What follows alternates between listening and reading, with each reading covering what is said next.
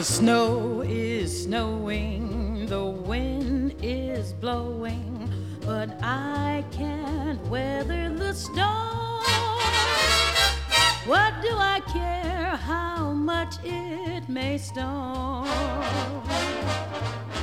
I've got my love to keep me warm. Heil og sæl kærlu stendur. Halla Hallardóttir og Tómas Ævar Ólafsson hels ykkur hérna hljóðstofu viðsjár 5. daginn 12. oktober.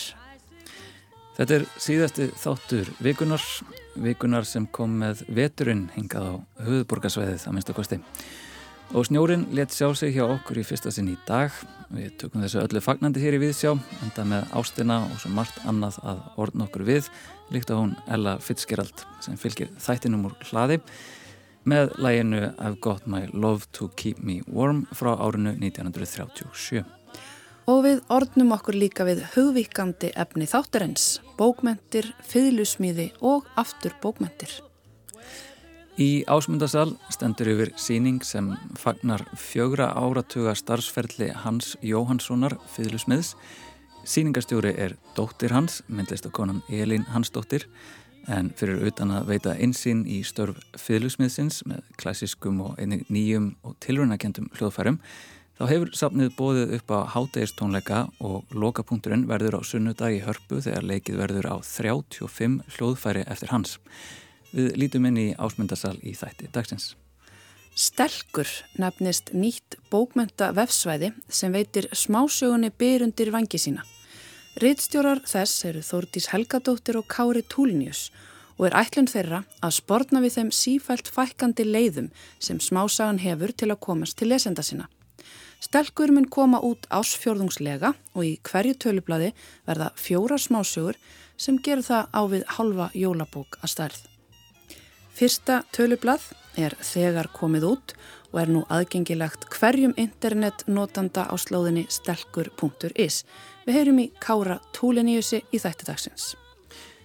Og Greta Sigriður Einarstóttir, bókmentarínir þáttar, leggur matsitt á nýjustu skáldsögu Sveris Norlands sem nefnist Kletturinn og fjallar um tilfinningasambönd Karlmanna, siðferðileg álitamál, fyrirgefningu og metnað.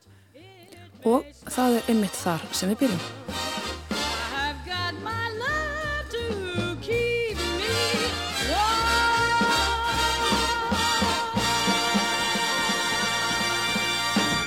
Margir innflytjandur sem reyna að koma sér fyrir á Íslandi og kynnast fólki segja strekast á sama vandamálið að vinahópar og tengslanett landans er fastmótað frá táningsaldri. Flestir kynntust sínum vinahópi í mentaskóla og þurfa ekki á nýjum hópa halda eftir það. Þetta skólasteg ofar öðrum mótar tengslanett fólks og nánasta umhverfi. Það er algengt að vinatu bönd verði til og endist jáfnvel út æfina. Kletturinn er nýjasta skáldsaga Sverri Snorland. Hún fjallar um mentaskóla vinatu ungra manna og áhrifin sem þessi ár geta haft út lífið. Sverrir er afkastamikill rítöfundur og Kletturinn er hans tólta bók. Hann hefur áður skrifað bæði ljóð, skáldsögur og bækur almenns eðlis. Í Klettinum leitar Sverrir á svipaðar slóðir og í sinni fyrstu skáldsögu, Kvíðasnillingunum, sem kom út 2016.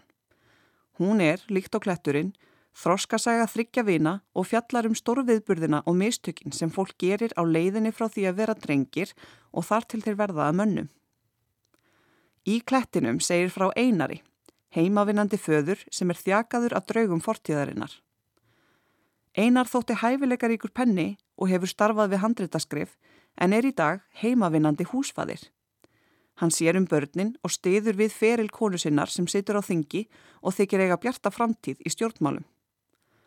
Þessa dagana skrifar einar ekki fyrir aðra, heldur nýtir tíman á vinnustofunni í að skrifa sína eigin sögu, þá sögu sem lesendur hafa í höndunum. Á yfirborðinu er allt eins og það á að vera, en þó er ljóst að líf einars er ekki í fullkomnu jafnvægi og að hann telur ræturnar að eigin vandamálum liggja í vinahóplum úr mentaskóla. Bókin hverfist um tilfinninga og vináttusambönd Karla. Einar er í varnarstöðu vanandi hlutverk sitt sem Karlmanns. Strax í fyrsta kapla svíður hann undan því þegar börnin hans spyrja hann út í störf fullorðins fólks í kringum sig og hvort hann starfi við að passa börn. Konan hans er fyrirvinnan á heimilinu og er í valdastöðu í samfélaginu en hefur líka haldið fram hjá honum. Á öllum hefðbundnum valdsviðum karlmennskunar, atvinnulífs, fjármála og kynlífs er hann því valda laus. Þar að auki á hann í skrítnu sambandi við minningu föður síns sem allir börnum sínum sífældum vonbreyðum. Sjálfur leggur hann sig fram um að vera börnum sínum traustur stuðningur. Sagan er í aðra röndina skrefu til þeirra og fyrir þá, kannski til að forða þeim frá kynnslóða áfallinu. Þó er sögumadur óvissum hvort rétt sé að róta í gömlum særendum eða hvort sumt megi kyrt liggja. Einar segir söguna frá sínum sjónarhóli. Við fáum insýni tilfinningar hans og óreðuna sem einkennir þær. Úr viðburðum sem hann skrifar um getur lesandin þó líka lesið á milli línana og séð áhrifin sem persónulega vandamál Einars hafa á fólkið í kringum hann. Einar tekst á við lífsitt af aðgerðaleysi og besku. Hann forðast vandamál sín, þeir um tilfinningar sínar, ber alltaf því kala til korunar sínar vegna velgengninar og þegar vinur hans hefur samband og vill takast á við fortíðina hunsar einar símtöl og skilabóð. Leindarmálið hans eitrar út frá sér, ekki síst vegna þess að hann neytar að takast á við það. Þótt ljóst sé að hægðun hans megi reykja til áfalla á yngri árum er að var erfitt að finna tilmiðunum vegna þess hversu fráhrindandi persóna hann er. Strax í fyrsta kapla fann ég fyrir klíu þegar einar sem sögumadur endur tekul málvillur barna sinna og stafar orðin eins og barna á máltökuskeiði myndi segja þau. Það ættu allir að vita að það sem er sætt í munni barna getur verið óþægilegt að heyra með rödd foreldrana. Þar að auki er personan sjálfkverf í vannlíðan sinni og virðist ekki átta sig á þeim skada sem hann veldur öðru. Það er erfitt að átta sig á vináttu strákana úr mentaskóla. Þeir verja hver annan með kjafti og klóm en eiga lítið sameiginlegt. Vináttan einkennist af metingi og skýrri goggunaröð og einn vílar ekki fyrir sér að hefja samband við fyrirverandi kæristu annars stuttu eftir sambandslitin. Hinn sjálfkverfi og óöryggi sögumadur setur þá báða skör ofar en sjálfan sig en gremst tilraunir þeirra til að beina honum á metnaðarfulla braud. Hann rekur sjálfur flest sín vandamál að einu atviki, leindamálinu sem sagan hverfist um, en ljósti er að stöðnun hans í þroska á sér floknari rætur. Eftir því sem líður á söguna og sögumadur gengur lengra í úrvinnslu og leitsinni að sannleikanum, verður æljósara að sögumadur á stuðning og þólinnmæði fólksins í kringum sig varla skilið. Þegar hér var komið sögu spurði ég mig hvort þetta væru áhrif óáreiðanleg sögumanns djúft í fenið þunglindis eða hvort um vankanta og persónusköpun væri að ræða. Eftir lesturinn fannst mér þeirri spurningu í raun enn ósvarað. Eftir loka uppgjörið fann sögumadur ákveðna sátt sjálfur en eftir situr miklu starri spurning um hvort og hvernig hann gerir upp við fólkið í kringum sig. Sögunni tekst vel að mála mynd af karlmanni sem hefur staðnað í þroska og hvernig vangeta hans til að tjá tilfinningar sínar eða vinna úr áföllum í æsku hefur áhrif á alla í kringum hann. En sögulókin virka klunnaleg, sér í lægi vangaveltur sögumanns um vináttursambönd Karla og samskipti feðga. Sögumadur virðist trúa því að hans úrvinnsla á þessum staka viðbyrði eigi að verða til þess að lækna ógróin sár sem sögumadur hefur burðast með frá barnæsku. Svo er spurning hvort lesandi trúi með honum á slíkan Disney endi. Ég veit í raun ekki alveg enn hvað skal segja. Ef þessi saga veitir insýn í sambund og tilfinningarlíf karlmanna, þá er svo sín bæði einmannaleg og hrollveikjandi. Á vissan hátt sviftir þessi óáreðanlegi sögumadur á frekar magnaðan hátt hulunni af því hvað þeir karlmenn sem eiga erfitt með tilfinningar sínar eru mikil byrði á samfélaginu. Eitt er víst að bókin vekum hann til umhugsunar. Það var Greta Sýrir Einarstóttir sem að fjallaði hér um skaldsugu Sverris Norrland Klettin, bók sem að skoðar meðal annars tilfinningasambund karlmanna og vekur sangkvæmt Gretu lesendur til umhugsunar. En það er kannski einmitt það sem bókmentirnar eiga að gera. Bókmentir veita okkur fjarlægð á eigin líf. Við gleymum eigin vandamálum og hugsum um vandamál annara. Írks munks sem flýr undan syndum sínum út á haf, þískukennara á færtugsaldri sem kemst ekki fram úr rúminu, konu sem tekur að sér villi dýr eða nefnda í tölvunafræði sem getur ekki skrifað mistarareitgerð. Á þessum orðum hefst fyrsti rítstjórnapistill smásagna VF tímaritsins Stelks sem var nú á dögunum opnað öllum þeim sem hafa tengingu við internetið á líninu stelkur.is. Ég setti mig í samband við Kára Túlinius, annan af reittstjórum vefritsins og fekk að spurja hann nokkura spurninga og byrjaði auðvitað á þeirri mikilvægustu hvað er stelkur.is.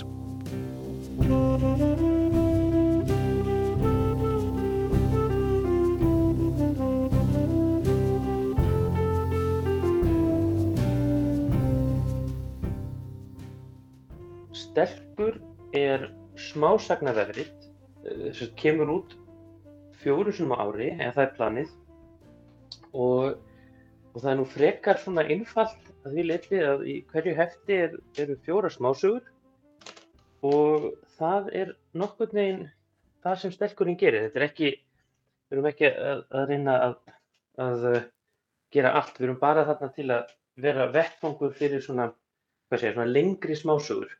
Mm -hmm. Og uh, hvers vegna smásögur? Það er nú uh, bara út af því að, að það er ekki margir staðir eða svona í mörg tímarit eða vefrit á Íslandi lengur sem, sem byrta smásögur. Uh, allavega svona stakar smásögur eru bara næstu hornar úr íslensku bókmyndalandslegin og það var nú þannig að ég og, og, og samstagskona mín og meðriðstjóri Þórtís Helgadóttir við höfum skrifað svona smásögur sem við vildum svona fá yfirlestur á þannig að við sendum ykkur smásöguna til, til hvers annars og lásum og svo föttum við það var lengin vettfangur til að senda þessar sögur á mm. þannig að þá fórum við að, að að, að svona upp úr því að, að velta fyrir okkur að, að setja af stað vefrið og hérna, ég, mér líka svona pínlítið í skildunar að því liti að ég hefði verið í reitnefnd Stínu sem hefði sérst, verið einn af þessum svona vettókur sem, sem byrtu smásögur. Já. þannig að, að þegar sérst, Stína laði upp laupana þá svona hugsa ég að það verður nú, nú gott uh, svona, að, að reyna að gera eitthvað svona þannig. Og síðan þessum, þessum hvað, fjórum árum setna núna þá, þá loksins var eitthvað svona augljóst markmið með því að setja stað vefrið. En uh, þetta nafn, uh, Stelkur, er þetta einhver óbeinvísun í, í starafögl sem var líka svona sveipað vefrið? Nei, þetta er alltaf gott. Nei, ég hef ekki hugsað um það. Nei, þetta var nú bara, við fórum að velta fyrir okkur nöfnum við, eh, við Þortís og þetta, kom, þetta var bara eitt af þessum nöfnum sem bara kom upp í bara svona þar sem vorum að, að láta okkur detta, í, detta svona á þessi nöfn í hug og eftir það sagt, myndi ég eftir því að Benedikt Gröndal hefði, hefði sagt, teiknað stelk í hérna, uh, fugglabókinni sinni mm. þannig að þá, þá, þá, þá vorum við komin með með, með einhver svona skemmtilega vísun sagt, inn, inn í bókmyndirnar þannig að þá og, og, og líka logo ef, ef út í það er farið. Þá hérna að, að, að það, það er bara það er nú bara það. Og svo þetta er svona persónulega þykir mér mjög vænt um stelkinn þannig svona uh, svona alltaf, mér finnst alltaf skemmtilegt að sjá hann út í náttúrinni þannig að uh, það var nú bara uh, það var ekki dýbra, dýbra en það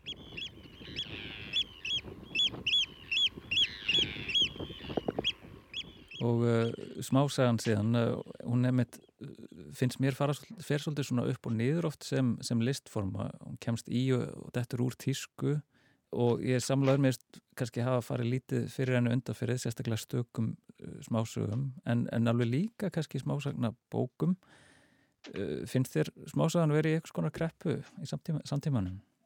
Hún er ekki kreppu að því leiti að fólk er hægt að skrifa smásögur Nú mm. er, eh, þú veist, ef, við bara hugsaum um, ef við bara lítum á, á uh, reitlistarkjenslu sem hefur blómstrað á Íslandi síðasta, síðasta áratugin eða jafnvel, jafnvel áratuga hálfan, þá hafa veist, íslenskir, uh, íslenskir reitlistarnemar og bara svona, fólk sem fer í gegnum það nám, það hefur verið að þjálfa sig í því að skrifa smásögur.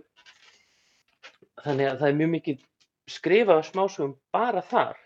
Og svo veit ég líka að, að ég bara tala við kollega mína í, í skaldastétt að, að við skrifum all smásögur svona allavega einhverju leiti eða svona stundum þá kannski byrjuð við á sögu sem við höldum að verði lengri en svo bara er hún allt í hennu búin. Mm. þannig að, að ég held að, að, að því leiti sé engin sérstök stípla í sköpun smásagna. Hins vegar þá að því að dagblöðum og tímaritum hefur stór fælkað á Íslandi út af, bara út af því að, að auglýsingapenningur fer ekki lengur þangað heldur til Facebook og, og Google þá hefur ekki verið mikið af tímaritum og dagblöðum sem eru svona hinn hin rökrétti vettvangur fyrir smásögur þannig að það var svo, þannig að það var krísa að því leiti yeah. og og, og svona stípla í kerfinu þannig að, að, að, að í, í sagt, hjá sterk þá við alltaf að reyna að, að, koma, koma þessu flæði aftur af, af stað. Og, svona, og, og hvaða möguleika sér þú í kannski smásögunni sem uh, formi með að við skaldsögu eða, eða ljóð, hvað hva hefur hún sem getur verið fram yfir? Smásögur eru einhver leiti svona tilbúnar að taka við skrítnum tilraunum og svona óljósum pælingum á annan hátt heldur en ljóð og skáldsögur að því að, að uh, smásagan er, er uh, svo staðu þar sem hægt er að leika sér og svona leif, leifa sér að fara eftir eftir einhverjum lögmálum sem kannski ganga ekki í lengra verki og en jáfnframt þá að, að skoða einhverja hugmynd í svona miklu lengra máli heldur en í ljóði og að því að smásaga er svona aldrei eins og svona draumur. Mm. Maður lesandi fer inn í smásöguna og svona í flestum tilfellum þá, þá les fólk smásögu í einum rikk Þannig að maður byrjar, maður fer í gegnum eitthvað svona ferli og endar, þá er maður búinn að fá einhverja svona heila hugmynd inn í kollin og það er hægt að fá upplifun sem er heilstæð en flestar skáldsögur eru þannig að maður les þær, leggur frá sér, tekur upp aftur, leggur frá sér, tekur upp aftur og þar að leiðandi þá er smásagan eðlis ólík lengri formum. Finnst, þér hún svipa kannski þá svona að eitthvað leiti til kveikmyndalistarinnar? Já, en það hafa, hafa uh, smásögur oft verið uppsprettað kveikmyndum og kannski líka, hún er kannski líka eðlislík leikritinu að þessu leiti að þetta er svona afmarkað stykki mm. sem, já, einmitt, kannski mest, svona, tekur mestalagi klukkutíma að lesa ef maður er að lesa mjög, mjög langa smásögur og, eh, já, og sem rítöfundur sjálfur eh, leitar mikið til smásugunar þá bæði í lestri og síðan skrifum. Já, ég eh, les talsveit mikið á smásugum ég hérna bara, ef ég hugsa bara tvær síðustu bækur sem ég kláraði voru, uh, voru smásagnarsöfn mm. og hérna og það er ekkert óvinnlegt ég ég leita oft upp í smásögur hérna, þegar ég var yngri þá las ég mjög mikið af, af vísindaskálskap og í vísindaskálskap þá er, þá er smásagan svolítið líkil form af því að þetta, smásagan, smásagan hefur þessi, þessi, þetta eðli að maður getur svona sett fram svona hugmynd og, og svona útskiptana sem er kannski uh, sumuleiti í, í hendugt fyrir, fyrir þannig form. Og það er líka oft þannig með með sagt, þessi hefðbundari bókmyndir eins og Alice Munro höfundur sem ég og flestir sem hann hafa lesið halda mikið upp á.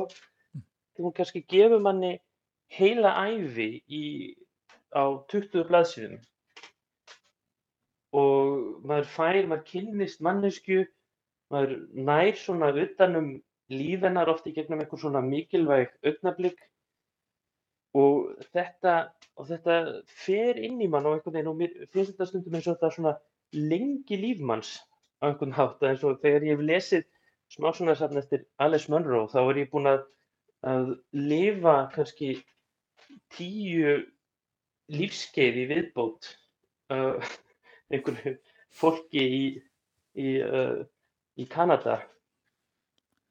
Já, ég, mér finnst ég einmitt hafa kannski komist í smá snertingu við þetta um, hjá henni Lauren Groff smásagna samt hennar Flórida. Þar færði einmitt oft eh, svona glukka inn í einmitt svolítið mikið mikið hluta af lífi mannesku og, og maður er lengi að lesa þessa bækur að það maður vill einhvern veginn ekki spóla í gegn, maður vill taka eina sögu í einu en ef við förum aftur að, að stelknum það er komið svona eins, eins konar fyrsta törublað um, eða útgáfa, uh, fjórar sögur. Uh, það er tíðasöngur eftir Steinunni Helgadóttur Nóttin fyrir innlögn eftir Ármann Jakobsson Breytingaskeið eftir Þórtísi Helgadóttur og Mold eftir Ardísi Þóranisdóttur þegar þið stefnið á að gefa þetta út í svona, í svona hlutum fjórar í einu. Já, bara það er, það er, svona auðvelt að hugsa í tölublöðum og, og líka það er gaman held ég fyrir lesendur að fá svolítið stóran skamt að þessu einu, ég held að finnst allavega þetta tölublað sem er held ég í svona verður, þetta verður held ég hefbundin lengt á tölublaði. Þetta þetta er svona eins og hálf jólabók af, af efni. Það er alltaf miklu skemmtilegra að, að koma að einhverju og fá svona doldin stóran pakka heldur en bara að að þetta sé allt bara svona ég komi í svona litlum, litlum einingum alltaf finnst mér það mm. Og stefnið þið séðan á að, að fara yfir á pappir í framtíðinni? Það er eitthvað sem við erum að skoða þetta er náttúrulega eitthvað sem við þurfum að skoða í, í, í samvinnu við Reykjavík Bókundaborg sem, sem styrkir, uh, styrkir okkur en uh, uh, við höfum uh, auðvitað væri skemmtilegra að hafa þetta á pappír þú veist, ef bara til þess að, losna stundum frá internetinu eins og, eins og interneti er, er frábært.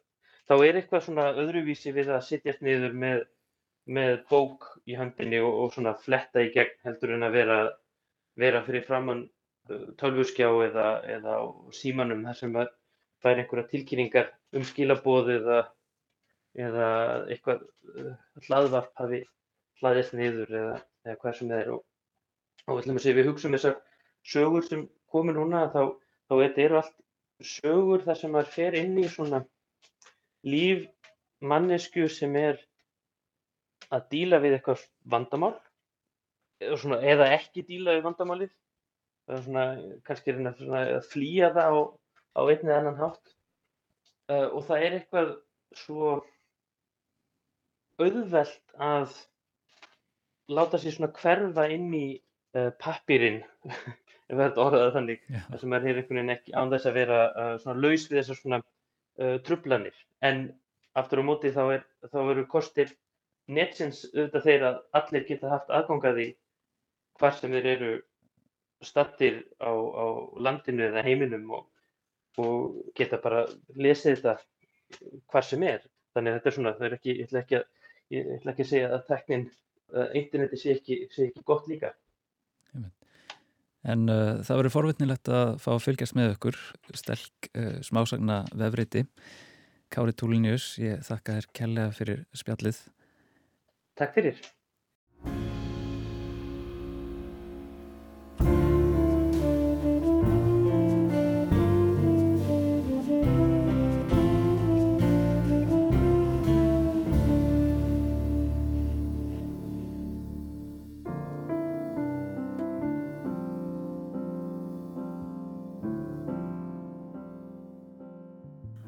Tómas rætti við Kára Túlinjus, annan af rittstjórum vefritsins stelkur.is. En þá höldum við í ásmundasal.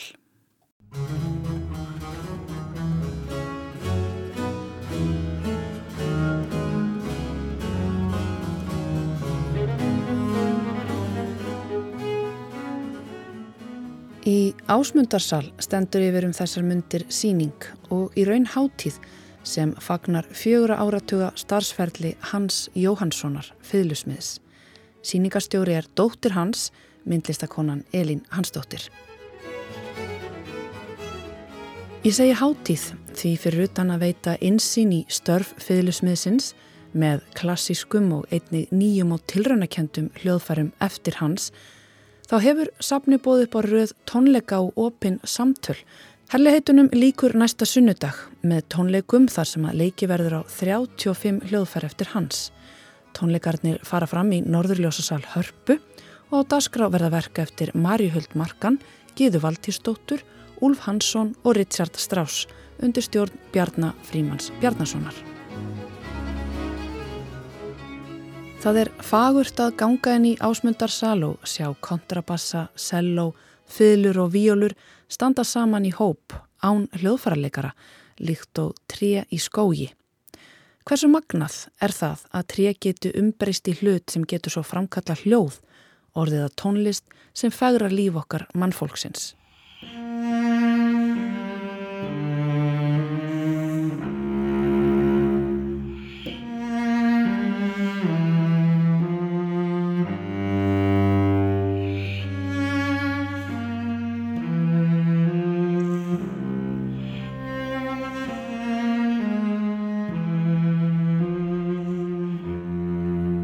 Þetta er, kemur allt undan mínum verkværum í gegnum áratugina og enna, hérna, þetta er svona, það var eins sem kom hérna og sagði þetta er ættarmót.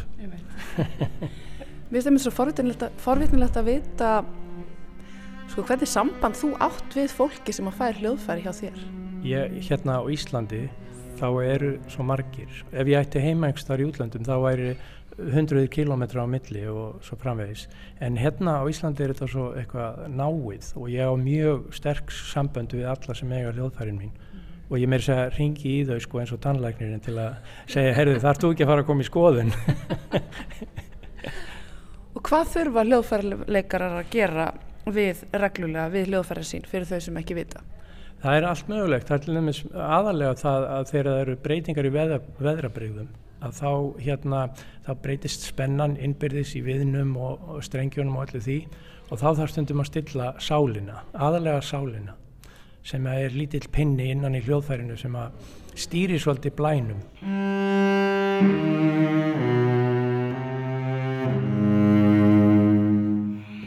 Förum aðeins í gegnum sögu feðlunar og hvaðan þetta form kemur. Hún er auðvitað mjög svona barokklega að sjá Algjörlega, þetta er, þetta er reynd og beint sko barokk arkitektur í raun og veru. Mm. Þetta byggir á öllum þeim formum sem ára verið að þegar enduristnin var í hápunkti að þá voru menna líka svolítið eftir grískum og rómverskum aðferðum og, og, og, og stíl, stílbriði.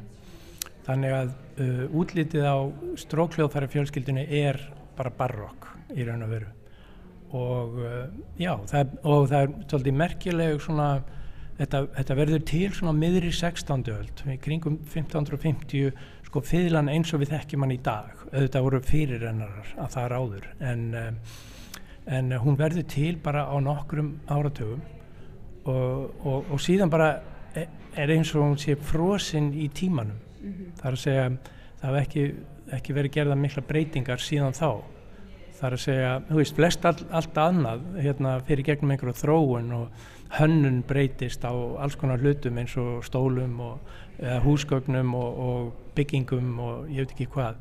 En þetta hefur svona líklegast af því að þetta var svo vel hefnað einhvern veginn á þeim tíma og var alveg á réttum stað, á réttum tíma um, í svona sögu tónlistarinnar.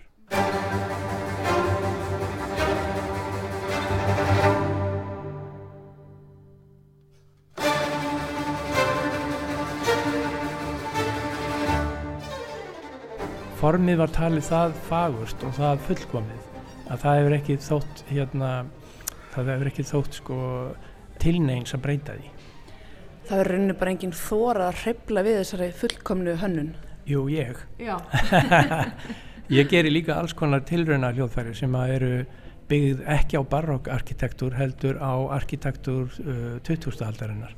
eins og ég hef verið að búa til fiðlur sem að eh, byggja á arkitektur sem heitir uh, skelljastruktúr eins og til dæmis arkitektar á borð við Oskar Niemeyer og fleiri.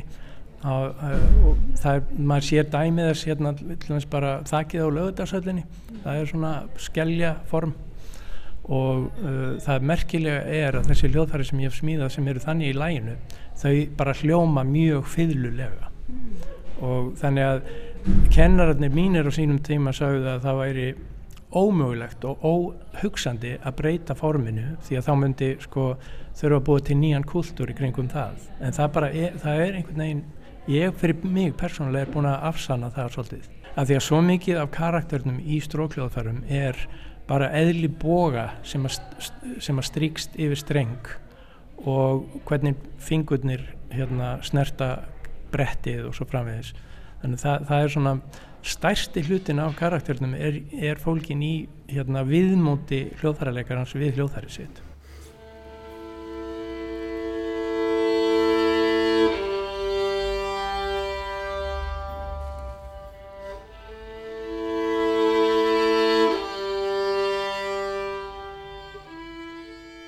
En uh, aftur tilbaka, vegna þú talaður hérna um uh, kennarana þína og ég er svo forritin að vita hvað litiði á þessu slóð uppalega. Já, það var nú bara, sko, það var nú bara af á ömmu fólki mitt sem að afi minn var húsgagnasmiður og ég hjekk á vinnstofuna hans bara frá því að ég var pínlítill.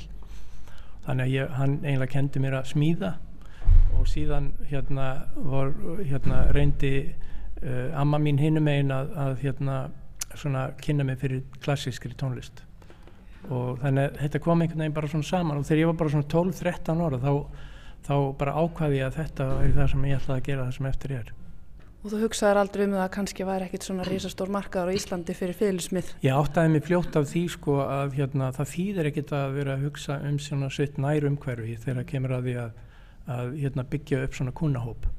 Þannig að ég leitaði strax bara til útlanda og Svo fluttist við til útlanda og vorum byggum í Európa í, í 12-13 ár og þá fekk ég tækifæri til þess að, að ferðast út um allt og kynnast helling af hljóðfærileikurum og, og, svona, og fekk líka tækifæri til þess að einbytta mér að smíðinni því flestir fiðlusmiðir eru bara að kaupa og selja gammalt eða gera við eða í forverslu, forverslu hlutverki.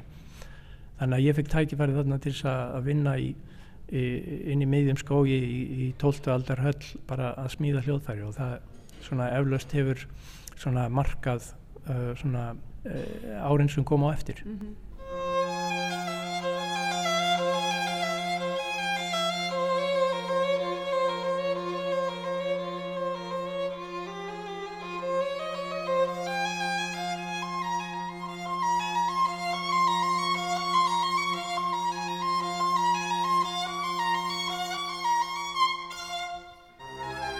Langar að spyrja það örlítið frekar út í þetta nám, fylirsmíðina, vegna þess að kannski sér maður fyrst og fremst fyrir sér smíðin, eða þetta snýst um tónlist líka, þannig að ég veltaði fyrir mér eh, um hvað snýst fylirsmíði? Sko eins og ég lærði fylirsmíði, hérna, það var mjög, á mjög hefðbundin hátt, það var sem sagt, uh, það, var, það er einlega engar, engar svona handbækur til, þannig að þetta er eh, aðalega kent bara frá kennara til nefnda og hérna það snýst það snýrist þegar ég byrjaði að læra aðalega um að bara að fara eftir reglunum eins og það hafa verið í 400 ár. Og ég verð bara að segja að kennarinnir mínir höfðu ekki mikla þekkingu á hljóm eða tónlist bara almennt. Þeir voru bara meira smiðir sko. Mm. og það er mjög mikilvægt að læra tæknina við að smíða og líka að tilengja sér svona ákveðin stíl bara í fagurfræðilega. Mm en hérna svo fór ég og kollega mínu sömur sem vorum að læra að fá mjög mikinn áhuga á uh, hljóðvistfræði og bara hvernig hluturinn fungerar. Nokkrum árantugum áður þá byrjaði svona bylgja í aðlega í bandaríkjónum um, þar sem að vísindamenn og fyrirlusmiðir fóru að tala saman. Og það myndaði svona hópur sem var svona frumherja hópur í, í þessu og svo fórum við sem nefnendur að fara til einhverjum eh, sumt að þessu, þessari tækni. Og í raun og veru bara byggja upp ákveðna tækni bara sjálf. Og það snýrist um að sko mæla sveibluhegðun þú veist, partana af hljóðfærinu og reyna að setja það í samhengi við hvaða hljóm blæ hérna, eh, varpast út í sal til dæmis. Og svo hefur þetta snúið upp á sig og núna undanfæran 20 ár hef ég verið í hóp sem að samastendur einmitt af vísindamannum og hljóðfærasmiðum. Og vísindamennir eru allir þeir eru allir áhuga menn um hljóðfærasmiði þannig að og í byrjun þá, þá skildum við ekki, ekki sko, neitt í því sem þau voru að segja. Mm. að því það snýrst bara um formúlur einhverjar og reikning og, en sko svo svona smátt og smátt þá, þá myndaðist svona tungumál á millokkar sem að hérna nú, nú er þetta orðin svona eins og symbiósa af, af hérna vísindum og higgjuvitsvinnu Hvað verðt? Þú myndist líka hérna áðan aðeins á þess að tilræna mennsku og hvernig þú hérna brusti frá þessu barokk formi.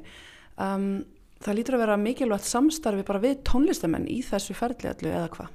Já, algjörlega vegna þess að sko maður getur ekki orðið hérna snillingur í að spæði að spila á hljóðfæri og að smíða þau og það er svona til að byrja með þá notaðist ég bara við þá flinkasta fólk sem ég gæti fundið til þess að hjálpa mér að skilja hvað, hvað í raun og veru það sem snýri að hljóðfæraleikarum þar að segja hérna, ekki bara hljóm heldur líka hérna, hvernig hljóðfærið bregst við þú veist um, hérna, hvernig hljóðfærið er sem viðmót fyrir hljóðfæraleikaran og uh, þetta er allt saman hérna, hluti sem við erum núna búin að þróa upp svona aðferði til að mæla og hljóðfæri og í raun og veru sko lifta uh, gæðunum bara upp á öllu veldi. Ég menna það má alveg segja að það sé ný endurreysning gangi af því að á þeim tíma þessum að þessi hljóðfæri voru sköpuð þá var, þá var náttúrulega endurreysna tímin og það var verið að svona rína í gömul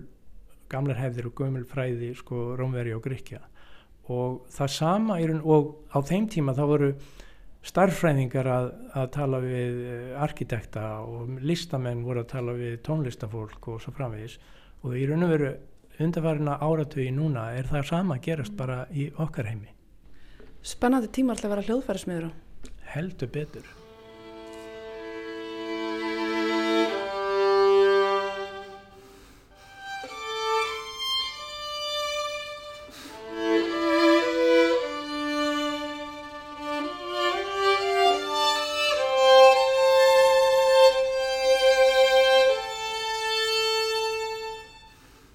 Þetta er bara mér búin að dreyma um þetta í nokkur ár að að fá að heyra sko, og sérstaklega þá er ég að hugsa til lokatónleikana sem verður neyri hörpu að næsta sunnudag að, þá, að fá að heyra fjöldan allan af hljóðfærum sem bara eru komin undan verkværunum mínum mm -hmm.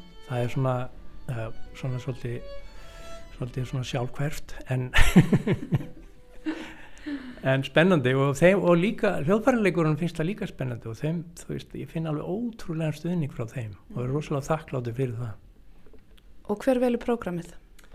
Við, það er ég og Bjarni Fríman uh, Bjarnarsson sem að uh, stjórnar mm. og hann, hérna, við komumst uh, að raunum að við, hérna, það væri best að vera með eitthvað skemmtilegt nýtt íslenskt, þannig að við erum með tvö verk, við erum með strengjakvartett eftir Marju, Marju Huld og síðan verður verk eftir Úlf uh, Svanminn og hann að Gíðu Valdísdóttur og síðan verður uh, Metamorfósin eftir Richard Strauss sem er svona það, hérna, það er svona verk sem er svona eins og hljóðveggur sem ég hlakka mjög mikið til að heyra mm -hmm.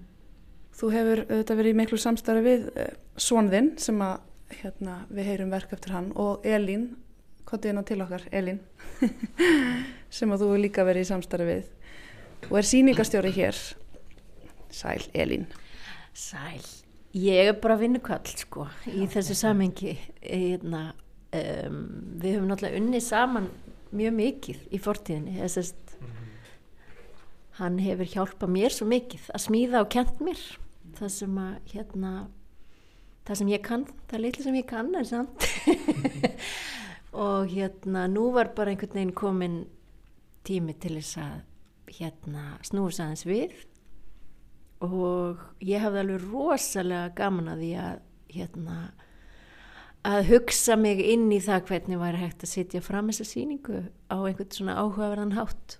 Því að nú hafa svona, hef, svona hinn hefðbundni fylgu heimur er líka mjög hefðbundin svona estetist séð sko og það er fylgusýningar sem að ég var dregin á þegar ég var krakki voru svona kannski frekar íhaldsamar svona flauels hérna uh. flauelsdúkar og, og, og hérna eða bara í rauninni var engin fókus á það að það sé einhver rýmisupplifun en ég held að í gegnum það sem við höfum talað um í gegnum tíðina þá þá, þá eru fiðlur rými á einhvern hátt. Þetta eru, þetta eru einhvers konar treboks sem að óma og, og mér finnst hérna, mér finnst það bara mjög tengt að hugsa síninguna svona inn í þetta fallega rými sem við fengum aðganga að. Svo líka bara höfum við sem fjölskylda einhvern veginn oft bara unni sem teimi sko ef að, ef Elín er með eitthvað verkefni þá svona þá bara hlaup, hlaup allir til og, og reyna að gera það sem þarf til að ljúka því og sama með Úlf og, og, og hérna Fríða, kona mín hefur líka, er ótrúlegur, já svona hún er svona hugsuðurinn einlega í fjölskyldunum myndi ég að segja. Og hérna Já, ég og, pappir um vinnukallarnir Það var sannlega mikil áhrif á því að alastu upp að verkstæði eða hvað? Já, tvímæla laust og ég held að ég hafi bara ekki átt að mig á því fyrir en bara fyrir stuttu sko, hversu sérstakt þetta hérna var að alast upp í kringum öll þessi gullnusnið og, og hérna svona þessa tengingu eða í rauninni bara þessa hugmyndum það að horfa á eitthvað verða til úr engu og hérna og horfa á það hvernig þú getur farið í göngutúr í skóginum og hort á tríu og tríð er búta niður og allt í hennu verður úr því hljóðfæri sem, að, sem breytist í tónlist og, og hefur áhrif á fólk. Þetta er, þetta er, bara, þetta er bara mjög sérstakt og, og ég er mjög, mjög þakklót fyrir það. Þetta er mjög, já, -hmm. já ég áttaði mikið á því sko, ég held einhvern veginn að allir allir upp á svona stað. Já Það var einhver hérna um daginn sem sagði að þetta væri að sko hljóðfærin væri svona metatónlist, þar að segja þau væri sko sköpuð til þess að setja í hendunar á tónlistafólki sem svo flutti sína tónlist og svo til áheyrenda. Þannig að þetta er svona þetta er alveg svona röð af, af uh, viðbörðum í raun og veru. Mm -hmm. Svo falla þetta að sjá hvernig þau dreyji líka vestaði hérna hluta af því inn í ásmundasal með því að koma með þessi efni lökkin sem eru auðvitað búin að vera þau sömu síðan bara nær frá upphafi ekki satt?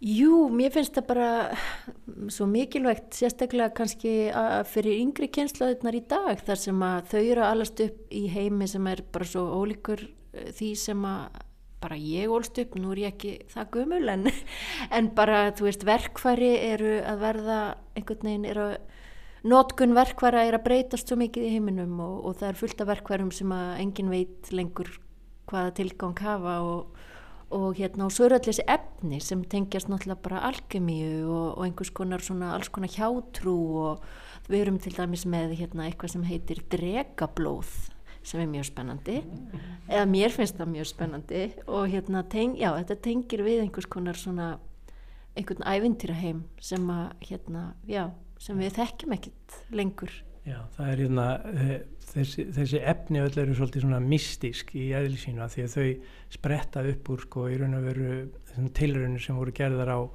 15., 16. og 17. öld og byggðu að miklu leiti á gullgerðalist eða alkemíu og ég minna alkemían í raun og veru mætti hugsauna sem svona þrennskonar því að e, e, eitt flötur á alkemíu eða gullgerðalist var að svona betunum bæta mannin og, og finna Eh, og gera, gera svona tákgrænt í efninu hva, hva, hvernig maðurinn getur hérna, betur um bætt sig og, og orðið hérna, já, vaknað einhvern veginn. Og síðan var svona praktísk leið sem var svona eiginlega hlaust af þessari vinnu sem var alls konar, alls konar uh, efni, kvóður, ólýjur, uh, ilmefni og annað hérna, var rannsakað bara í sem, sem svona hlýðarverkun í, eða svona hlýðarspor í alkemíunni og síðan var þetta það þriðja er raun og veru sko meira svona andlegseðlis sem er spirituált en þessi efni sem eru ennan út í dag og aðferðinar eru sko ég er að sjóða lökk sem eru sko byggð á uppskriptum frá 16. öld og það er mjög einkennilegt að að svona átta sig á því að hérna, þekkingin sem fælst í því að vita hvernig eh, einhver ólíja síður eða hvernig einhver kóða bráðnar er byggt á ótrúlega gömlum, gömlum hérna, aðferðum. Mm -hmm. Ég, bara, ég verð að segja, það er hérna, ég er búin að segja þetta nokkuð oft núna þessa vikuna en það er einu uppskrift þar sem að það er talað um hversu lengi maður á að sjóða oljuna og það er talað um 32 marjubænir Þú voru ekki með Rolex á þeim tíma. Aðeins öðruvís hugsaðum tíma á þeim tíma, einmitt. 30 marjubænir, hvað væri það í dag? Ég veit ekki. Nokkrir Netflix þættir Já, við hættum að prófa þetta einhvern tíma Uh, en að lókum hans uh, er ykkur í læri á þér? Hvert verður maður í dag til að læra svona? Um, ég hef tekið að mér lærlinga öðru kóru bara í stuttan tími sen hérna, og aðlega hérna, ungt fólk frá Evrópu sem, sem hefur getað komið til mín í gegnum Erasmus hérna, skiptináma kerfið og þau hafa komið frá Spáni og, og Svíþjóð og, og hérna, það er mjög gefandi bara og stundum þegar maður er að kenna eitthvað svona þá allt í hennu segir maður eitthvað sem maður vissi ekki að maður vissi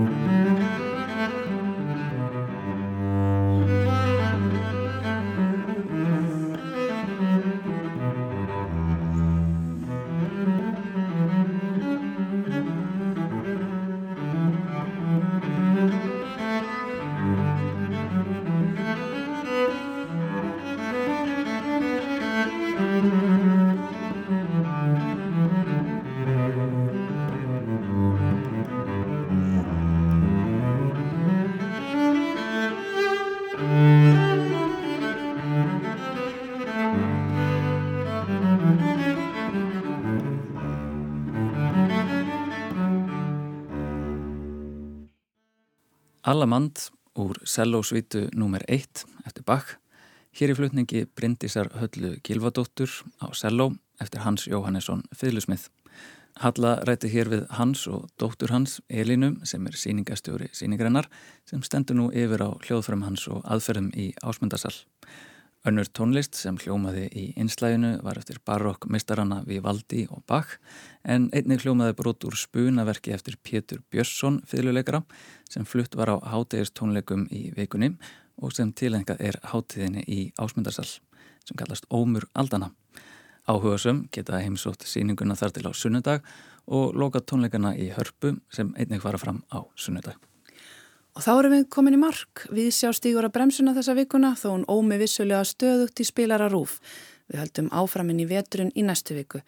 Fetum okkur nær lengsta mánuði ársins, november, sem hefur kannski ekki eins marga dag og oktober eða desember en virðist einhvern veginn alltaf mun lengri.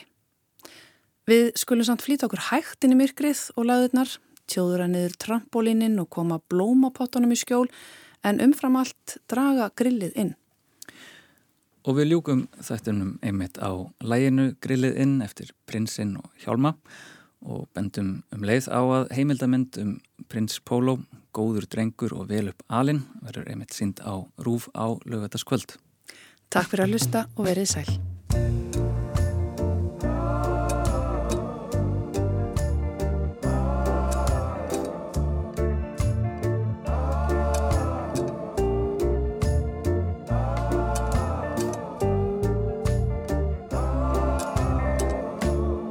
Setur ekki grilliðinn ekki þetta sinn. Fyrir veturinn. Hann setur ekki grilliðinn þó til blási vindurinn.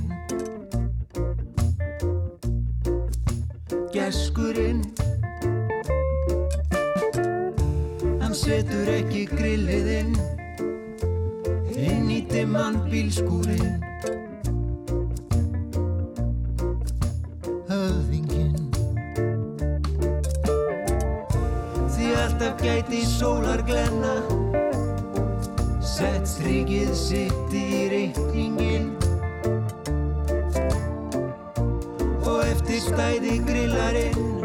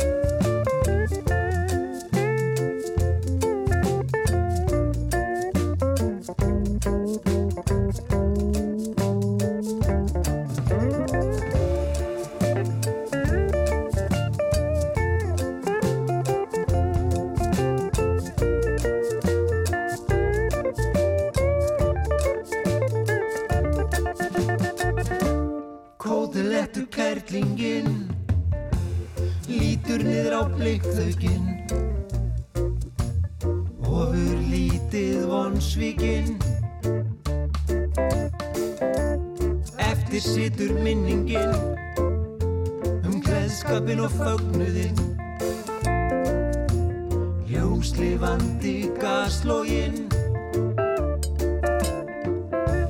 Inn þá gengur maðurinn Logar fjórði brennarinn.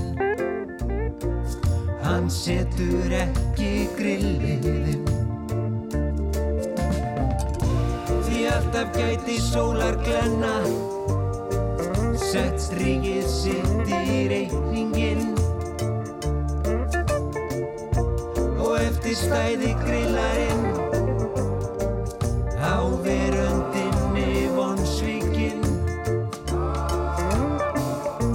Því alltaf gæti sólar glenna. Sett strikið sitt í reikningin Og eftir stæði grilla